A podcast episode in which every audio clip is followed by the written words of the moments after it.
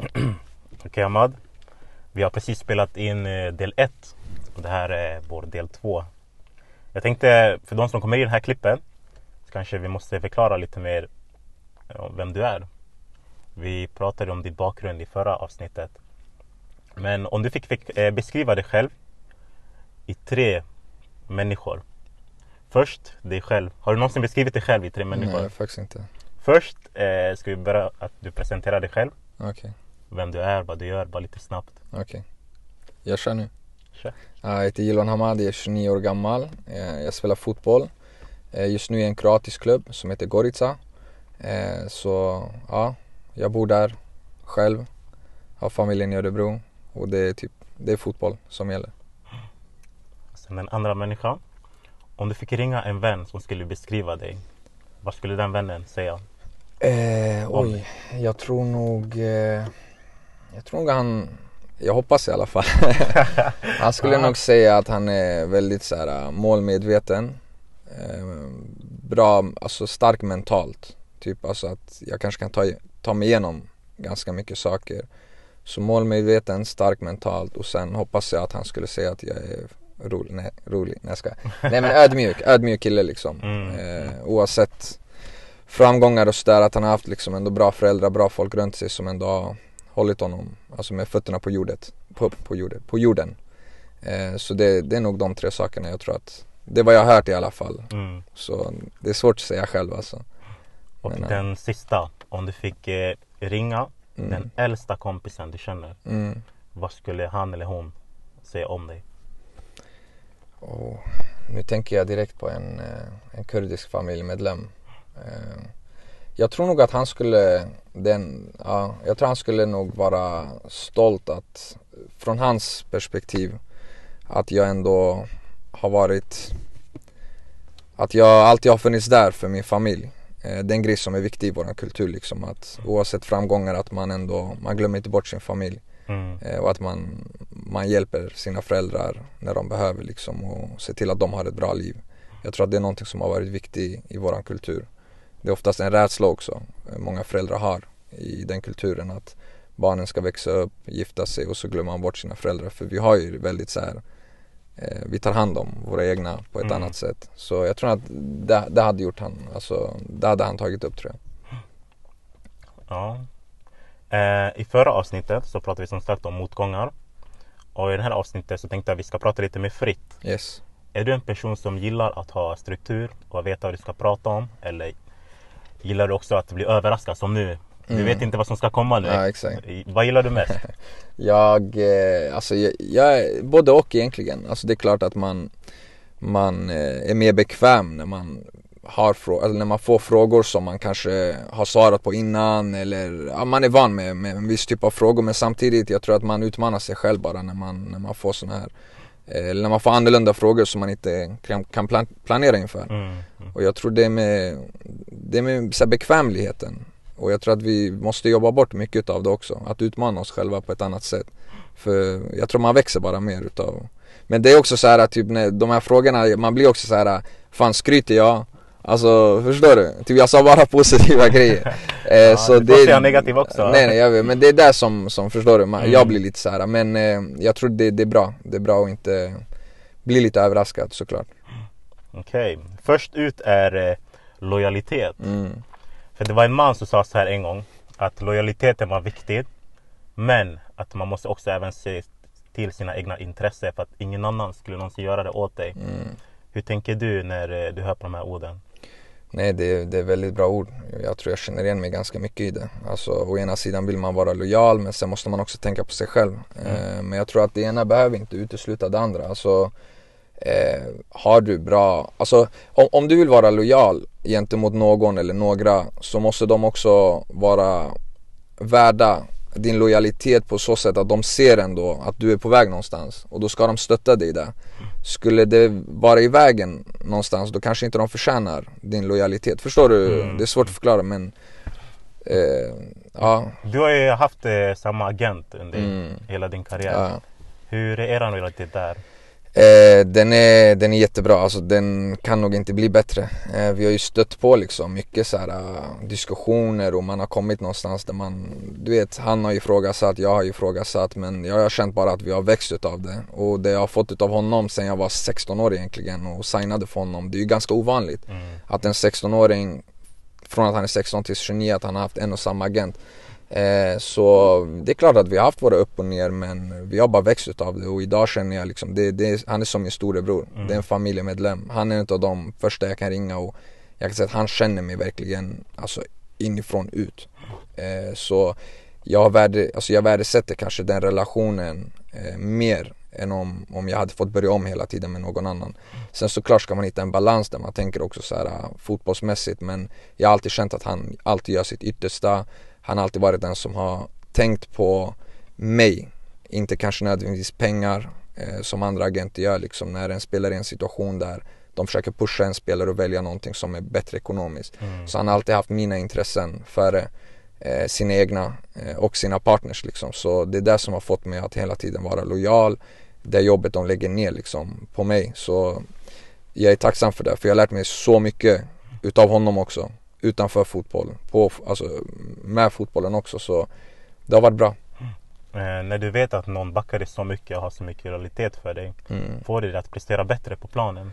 Ja, alltså när vi skriver på för en ny klubb, jag vet att han är där, jag vet att han, han känner till mig, han vet exakt vilken typ av person, alltså på planen, utanför planen. Så när jag inte gör saker och ting kanske så som jag själv vill så vet jag också att han blir besviken för att han vet att jag kan så mycket bättre. Mm. Så det blir hela tiden att man har, man har någon där som och, och när han känner mig så pass mycket också så, så kan han ändå peka på vissa saker liksom. Han bara, men du känns inte så motiverad, vad händer liksom? Mm. Som en annan agent om jag hade skrivit på, han hade aldrig sett de här grejerna. Så det är också sådana saker, så det känns som att man är två personer i det. Man är aldrig ensam. Och eh, sen tänkte jag också inom fotbollen så pratas det väldigt mycket om lojalitet i klubbarna mm. och fansen. Mm. Eh, när du kom från eh, utlandsresa, när var det här förresten? 2015 eh, eller längre? 2017, 2017 kom jag till Hammarby. Okej. Okay. Eh, så valde du Hammarby mm. istället för eh, Malmö FF. Yes. Och det var ju mycket snack om det. Mm. Skulle du kunna förklara lite mer vad var det som hände? Ja, jag hade haft kontakt med Malmö under sommaren eh, och så var de intresserade men då spelade jag faktiskt efter min skada så, så spelade jag matcher och då var jag såhär, tajmingen är inte rätt liksom, jag är ett år kvar med, med Hoffenheim och det här jag vill vara. Men vi håller kontakt och sen mm. när det kom till eh, i december när jag bestämde mig liksom att okej okay, nu har jag inte kanske spelat så mycket som jag har velat efter skadan så kan det vara bra att ta kanske två steg tillbaka liksom eh, och komma hem till Allsvenskan eh, som är en växande liga. Jag känner till den, jag behövde den här tryggheten liksom och spela matcher. Eh, och då var det så okej okay, vad har vi för alternativ? Och då faktiskt, du vet det är svårt att prata om det här när, när jag var i den situationen för att vad jag än sa så blev det fel gentemot någon. Mm. Så sanningen är den egentligen att tajmingen var fel hos, hos Malmö. Så det var inte, dörren var inte öppen på det sättet. Jag hade haft en dialog med Anders men den dörren, med Daniel Andersson men den, den dörren stängdes. Och då var jag tvungen, okej, okay, det är som det är. Ingenting personligt. Jag, jag förstår business-sidan av fotboll. Eh, så Minns du varför den dörren stängdes? Jag fick höra olika historier faktiskt. Jag mm. fick höra att eh, någon skyllde på någon och sen den personen som han skyllde på sa till mig att det var helt tvärtom. Så det var en röra. Så jag, jag för, än idag, jag, jag vet inte så här, jag kan inte sätta fingret på varför okay. det blev så. Mm. Och där och då tänkte jag ändå så här, det är klart att jag kollar med Malmö först. Jag, jag hade varit där tre år tidigare och liksom varit där i sex år. Du vet, jag hade gjort det bra. Alltså jag var lagkapten, jag hade vunnit två SM-guld, Europaspel. Oh, shit. Kameran dog. Ja, ah, Europaspel. Fortsätt, fortsätt. Ja, är den på? Ja, nu är den på. Ja, det hade varit, ja, men jag hade varit i Europaspel och liksom haft mina framgångar i Malmö. Och det var, jag lämnade ju för en bättre liga också. Mm. Så man tänker ju som person att, ja men när jag vill komma hem, det ska vara Malmö. Det, det, var, det är normalt liksom. Men eh, någonting hände liksom som inte jag kan svara på. Det, det, det, får liksom Daniel Andersson och de i klubben svara på. Men då kände jag så här: okej, okay, det är fine. Alltså, det är så fotbollen funkar. Mm. Eh, och då började jag se över andra alternativ. Och Hammarby hade alltid varit i bilden. Alltså de hade hört av sig långt innan det. Mm. Så jag kände ändå någonstans så här, fan det hade varit fett att, att vara i Stockholm. Du vet, en Stockholmsklubb. Det hade varit grymt, jag är nära familjen. Det är kanske det jag behövde. Eh, så det fanns andra klubbar också som, som var intresserade men då valde jag Hammarby för att jag kände att fan jag behöver kanske en, en, mer, en större utmaning än, än bara gå och prestera fotboll. Alltså tänka på lite saker runt omkring. Mm. Det är sånt jag gillar. Jag gillar att liksom Hammarby var i en, i en process där de ville bygga någonting och jag skulle vara den första som kom och så skulle de Det var ett projekt liksom. Eh, så det kändes bra och, och om jag ska vara ärlig, även innan det när Malmö, hade Malmö också varit, hade det varit annorlunda där Jag hade, ändå, jag hade varit ändå lite så här, kanske man ska göra någonting nytt. Mm. Jag har gjort det mesta där redan. Eh, Så det var det, och sen när jag kom, problematiken blev sen att Malmö-supportrarna kände så här, han är inte lojal, mm. alltså till mig. Och de vet inte sanningen. Men jag kan inte säga sanningen för jag är i en situation, det är så schackmatt Ska jag då skriva på för Hammarby och säga att jag ville gå till Malmö men Malmö vill inte ha mig. Hur kommer det se ut gentemot Hammarby-supportrarna? Jag måste visa den respekten att det, är så här, det var mitt nummer ett alternativ. Förstår du mm, vad jag mm, menar? Mm. Så man hamnar som spelare i, i olika situationer där kanske supportrar inte har hela sanningen och så dömer de. Jag minns att jag åkte tillbaka till Malmö och det var burop och det var du vet mm. massa Hur fick du det att känna när du hörde? Det var, det var fucked up om jag ska vara ärlig liksom. mm. Sen hade jag varit klantig, jag ska inte ljuga. Jag hade gjort en intervju innan jag skulle till Malmö första gången i bayern tröjan mm. Och då försökte jag med Expressen sätta fingret på, jag var så ivrig att så här, de borde veta sanningen. För mm. varför ska de hata mig? De borde hata klubben, förstår du? Mm. Eh, men det blev fel bara. För jag kunde inte säga hela sanningen, förstår mm. du? Och då blev det så här, ja han gråter ut. Alltså, och då Hammarby-publiken var jag tvungen att tänka på också. För jag, jag, jag trivdes så jävla bra där och jag mm. ångrade inte någonting. Men det blev så här, förstår du? Mm. Hur jag än gör, jag är i en skitsvår situation. Minns du vad du sa i Expressen? Alltså jag försökte typ så här low key säga att dörren i Malmö var stängd eller någonting sånt men ändå inte så pass tydligt för att jag vill inte trampa Hammarby-familjen på mm. tårna, hänger mm. du med? Så det här med lojalitet, det är också så här, vi brukar snacka alltid fotbollsgrabbar när vi ses Alltså det är klart att det är fint när du har en sån som Totti, när du har en sån som Kennedy i Hammarby. Alltså det är underbart, förstår mm. du? Goitom, AIK, det är förknippat med, med AIK liksom.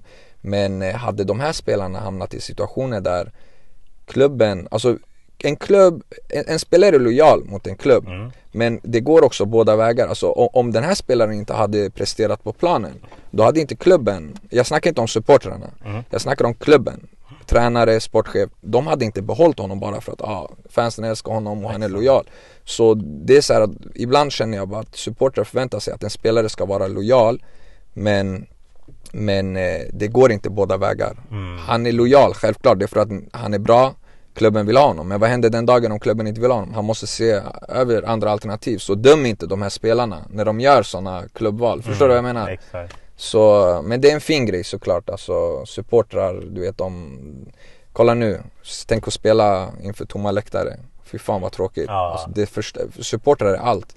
Men det enda jag ber om är att ha lite överseende, mm. alltså lojalitet. Jag hör er. Alltså jag vet att det är skitnice att ha en spelare som kämpar för klubbmärket, som älskar att vara där. Det är nummer ett. Men den dagen han inte skulle prestera, det är inte så att klubben bara, ja ah, men vet du han har varit lojal i fyra år, vi kommer ge han ett nytt kontrakt. Det funkar mm. inte så. Det första de kommer göra, de kommer kicka ut honom. Förstår du? Så ha lite fingertoppskänsla bara. Ja, vi hoppar över till, eh, när vi ändå pratar om lite klubbar och sånt. Eh, du har representerat många klubbar. Först och främst, vilken har varit den bästa klubben som du känner så här? Det, kan, det här kanske är en svår fråga. Mm. Som du känner så här, men den här klubben den hade, den hade allt. Ja. Nu det är inte bara fans, det är inte bara mm. allt alltså.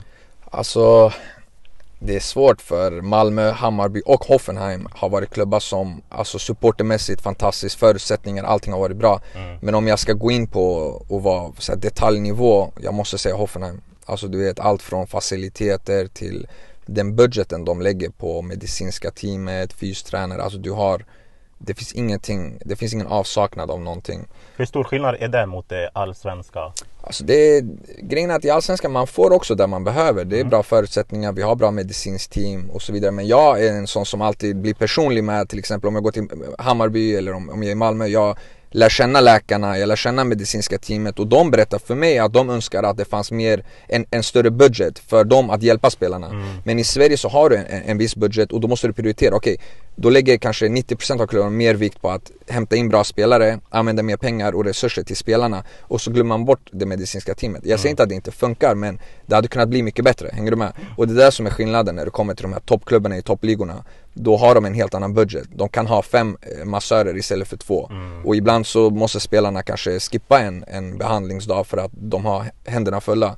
Så det är sådana eh, detaljer som gör att det är klart att det är en klubb som, som Hoffenheim. Alltså när det kommer till detaljnivå. Och lite mer om eh, spelarna då. Mm. Du har också varit med och spelat med bra spelare under din karriär. Ja. Vem har varit eh, wow? Eh, Rakt ut bara wow. ja, alltså olika egentligen. Alltså, jag spelade i Malmö när vi var unga så var det många som var wow liksom. Men om jag ska i äldre, alltså, Men eh, de här som var unga alltså, Ja. när du var Ja. ung. Det var Mol- ja. Ja, förklara du. Nej, det var Molins, det var Mehmeti, det var Jasmin Sudic, det var Ivo Pekalski eh, Nu kommer jag Jimmy Durmaz Som jag också växte upp med faktiskt. Mm. Vi började spela när vi var 5-6 år gamla. Så det fanns många, Pontus Jansson, Robin Olsen, Emil Forsberg eh, Mikko Albornoz. Så det fanns många spelare som, vi, vi var alla i den åldern där vi skulle, 80% av oss lyckades ta liksom nästa steg. Mm. Men de som inte lyckades, Mm. vad, vad var skillnaden mellan er och dem? Eh, tillfälligheter alltså, för det fanns många grymma spelare med jättestor talang och För potential. varmt bro. Ja, det var- Stänka. Ja, kör. kör. De har... Eh, det fanns många bra spelare med stor potential Mm. och, och när man tänker efter så här, fan synd att han inte, han inte lyckades. Men det, det var timing du vet. De kanske var på fel ställe vid fel tillfälle. En annan klubb kanske hade varit bättre för dem. Eh, det var fullt på något sätt. Mm. Och de fick aldrig utrymme att, att skina och det är någonting som är väldigt synd. Eh, sen kommer ju skador och liksom olika tränare, han föredrar det här, Mm. den andra vill ha den här typen av. Så eh, nu när man är 29 när man ser tillbaka, det finns så många spelare som varit så mycket bättre än mig men de kanske inte har haft det där flytet, hänger du med? Mm. Eh, så det, det är så det är med fotbollen. Eh, men i, i, annars så jag skulle nog säga Firmino. Roberto Firmino som är i Liverpool idag, spelade med han i två och ett halvt år i, i Tyskland och han var grym alltså. Vad gjorde han så bra? Alltså hans eh, fysik och hans eh, träningsmentalitet, alltså han eh, Han var stjärna i laget men han, eh, han var alltid där liksom och först på träningar, Mm. alltså först in sist ut eh, Ödmjuk, alltså han kunde bära vattenflaskor när han hade avgjort mot Bayern München, förstår du? Alltså han hade den här han ville träna, han ville så mycket. Man märkte att han var på väg någonstans. Han var Mm. inte nöjd bara att vara i Hoffenheim som kanske många andra. Sen Eduardo Vargas är väl den som är den största talangen jag har sett, alltså rent fotbollsmässigt. Sen var hans träningsmentalitet helt annorlunda än Roberto. Mm. Men han var så här lördagsspelare, alltså han, var, han sket i måndag till fredag, förstår du? Eh, och så kunde han ändå prestera otroligt bra på lördag, på, på matchdagen. Mm. Så det är också så här, ja. Det finns olika typer. Har det varit någon spelare som har överraskat dig som eh, folk inte pratar om? Som du, Robert Firmino, alla vet ju vem det är. Ja exakt. Men har det varit någon fotbollsspelare som har levererat kanske lika bra men som inte har fått lika mycket uppmärksamhet? I dina ögon då? Alltså det var i så fall där och då men nu har de ju fått, alltså Mm. jag minns Emil Forsberg till exempel. När han kom till Malmö, då kom han från Sundsvall. Och jag märkte direkt, jag bara fan vilken skön spelstil han har. Mm. Och, och otroligt skön kille också. Vad märkte du direkt av honom? Alltså här, hans wow? flow i spelet, du ser ju hur han är idag liksom. Men det här Mm. hade han redan när han var i Sundsvall. Så när han kom till Malmö var det inte så många kanske som höjde på ögonbrynet, förstår du?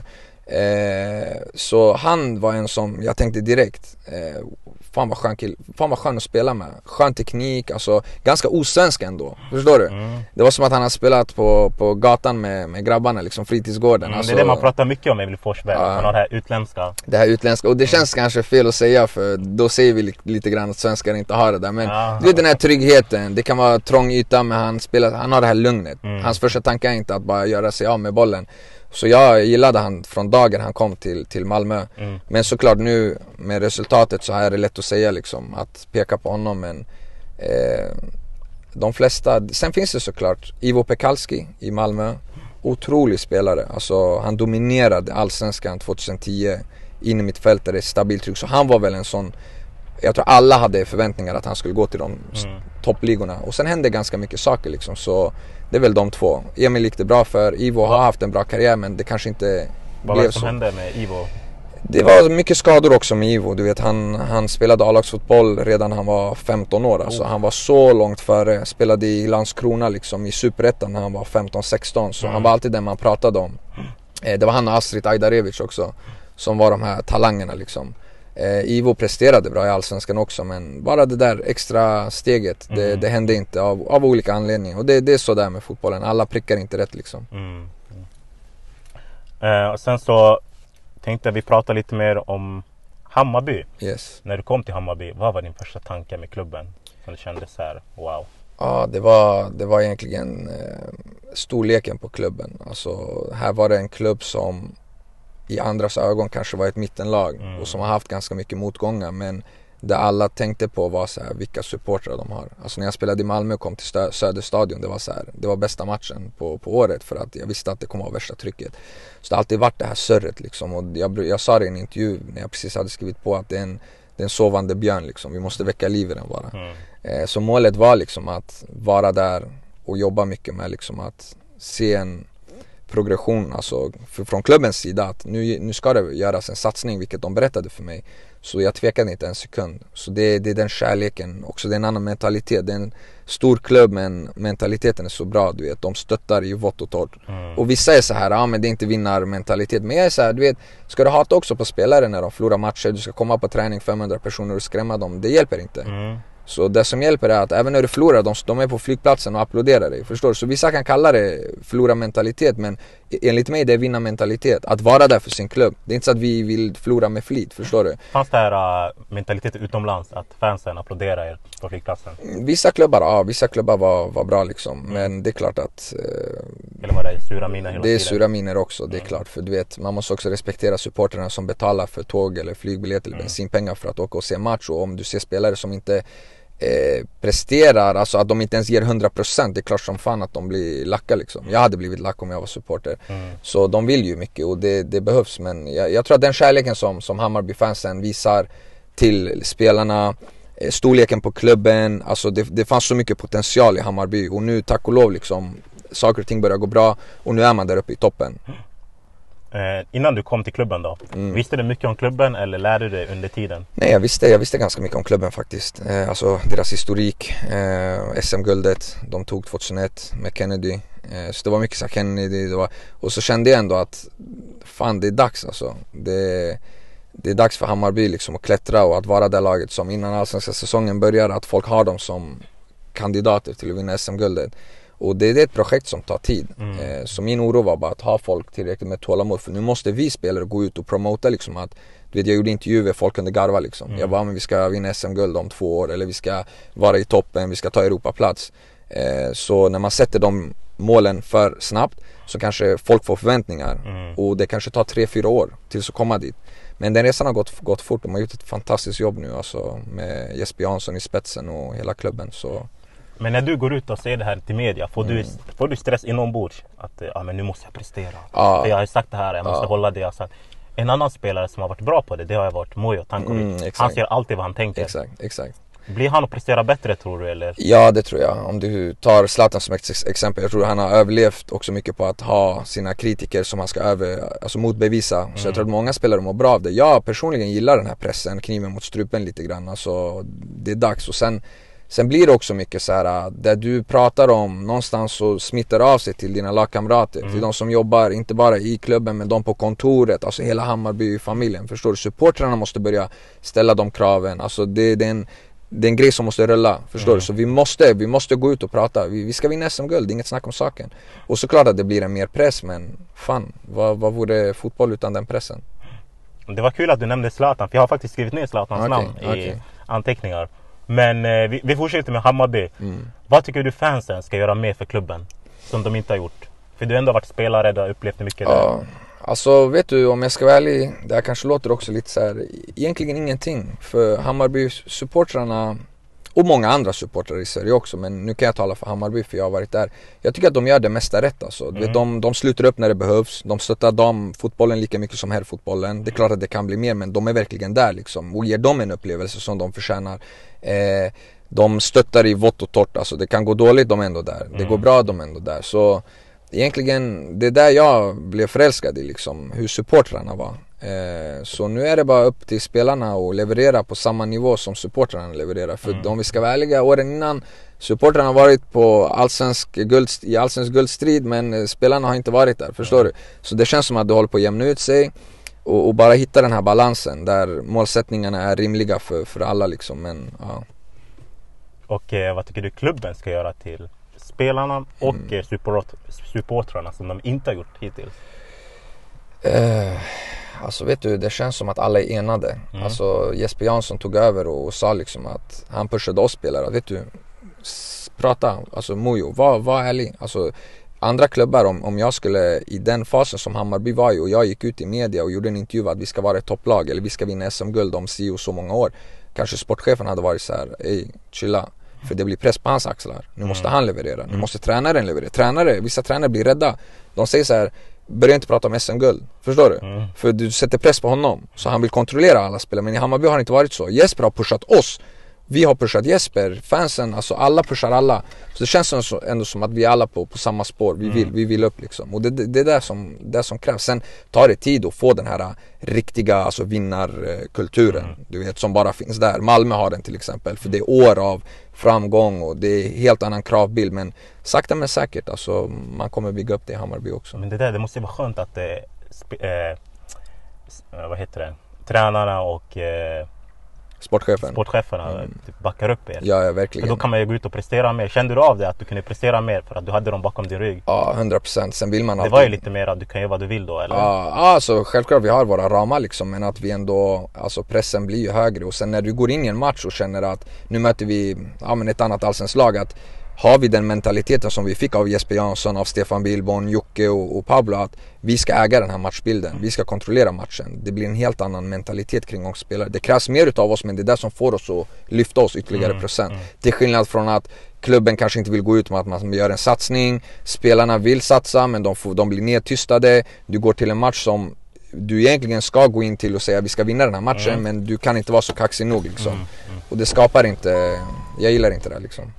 Och det här vinnarmentaliteten som Malmö har byggt upp. Ja. På vilket sätt har Malmö alltså, lite mer konkret? För nu Alltså, sa du mot ja. eh, framgångar. Och, Exakt. Jag tror det där kommer också med, med eh, alltså redan på 70-talet, liksom 79, de, Europacup, eh, de kommer till Europacupfinal. Eh, sånt, det börjar redan där, hänger Mm. du med? Och sen har supportrarna en press på, innan varje säsong, om inte de vinner SM-guld, det är katastrof. Hänger du med? Mm. Där är inte kanske Hammarby än. Eller andra klubbar i Sverige. Så det här är år av, alltså de har mest titlar utav alla svenska klubbar, maratontabellen de ligger för. Så det här är egentligen en produkt av vad de har presterat och den kravbilden som de har. Vi kunde leda ibland med 2-0 och bli utbuade. Mm. Den dog också. Två kameror har dött. Ja, nu är den på. Ja, kör. Mm. Nej men eh, jag tror det är ett resultat av år med framgång liksom. Mm. Eh, och att supportrarna förväntar sig att man ska, man ska vinna. När du kom till Malmö, gick du direkt upp till A-laget? Ja. Och det kanske, för jag tänkte på, frågan var när tror du att Malmö eh, pratar om den här vinnarkulturen till ungdomarna? Ja, alltså det här går way back alltså. Mm. Det, det har alltid varit så i Malmö. Sen har de haft också något år där med Zlatan i Superettan där de har gått ner och, och, och liksom kommit upp igen. Men det har alltid funnits där. Alltså Mm. det är inte acceptabelt att, att komma tvåa. Det är bara en grej de har byggt upp. Och som alla andra lag kan också bygga upp liksom. Många lag har den redan. Men det krävs ändå att du presterar på planen. Och spelarna gör ju i sin tur att fansen kan ha högre krav. Mm. Kände du av det här vinnarmentalitet direkt när du kom till klubben? Ja, 100 procent På, alltså. på vilket sätt? Alltså stödet du vet. Det var, de hade olika traditioner. Jag tror den har dött.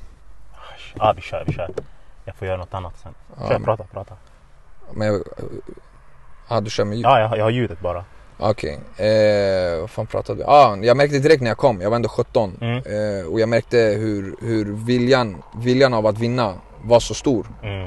Eh, vi kunde leda en, en match i halvtid och vi blev utbuade för att vi hade kanske inte spelat så, så bra fotboll. Mm. Så det fanns från dag ett, jag, jag kände av den alltså. 100% Eh, vi, du nämnde Zlatan förut mm, och nu när vi ändå pratar om Malmö, det är svårt att inte prata om Zlatan. ja. Det här med, eh, det har hänt mycket sista tiden för Zlatan.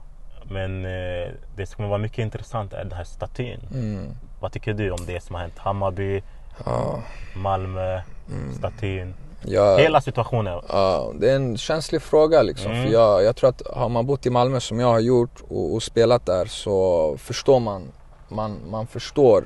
Jag håller inte med men jag förstår eh, supportrarnas frustration. Mm. Här har du en kille liksom som, det har alltid varit Malmö, Malmö, Malmö. Eh, och sen så tar han på sig en Hammarby-tröja och så vidare. Men jag kan känna så här att den här statyn är en symbol för allting han har gjort liksom Mm, mm. innan. Eh, och då var alla okej liksom med att, med att statyn ska, ska vara där. Och sen såklart när han tar ett beslut som egentligen är business Zlatan. Mm. Det är inte kanske personen eller, eller fotbollsmässiga. Hans kärlek för, för Malmö kvarstår liksom. Eh, och nu väljer han att göra ett drag liksom kanske mer affärsmässigt.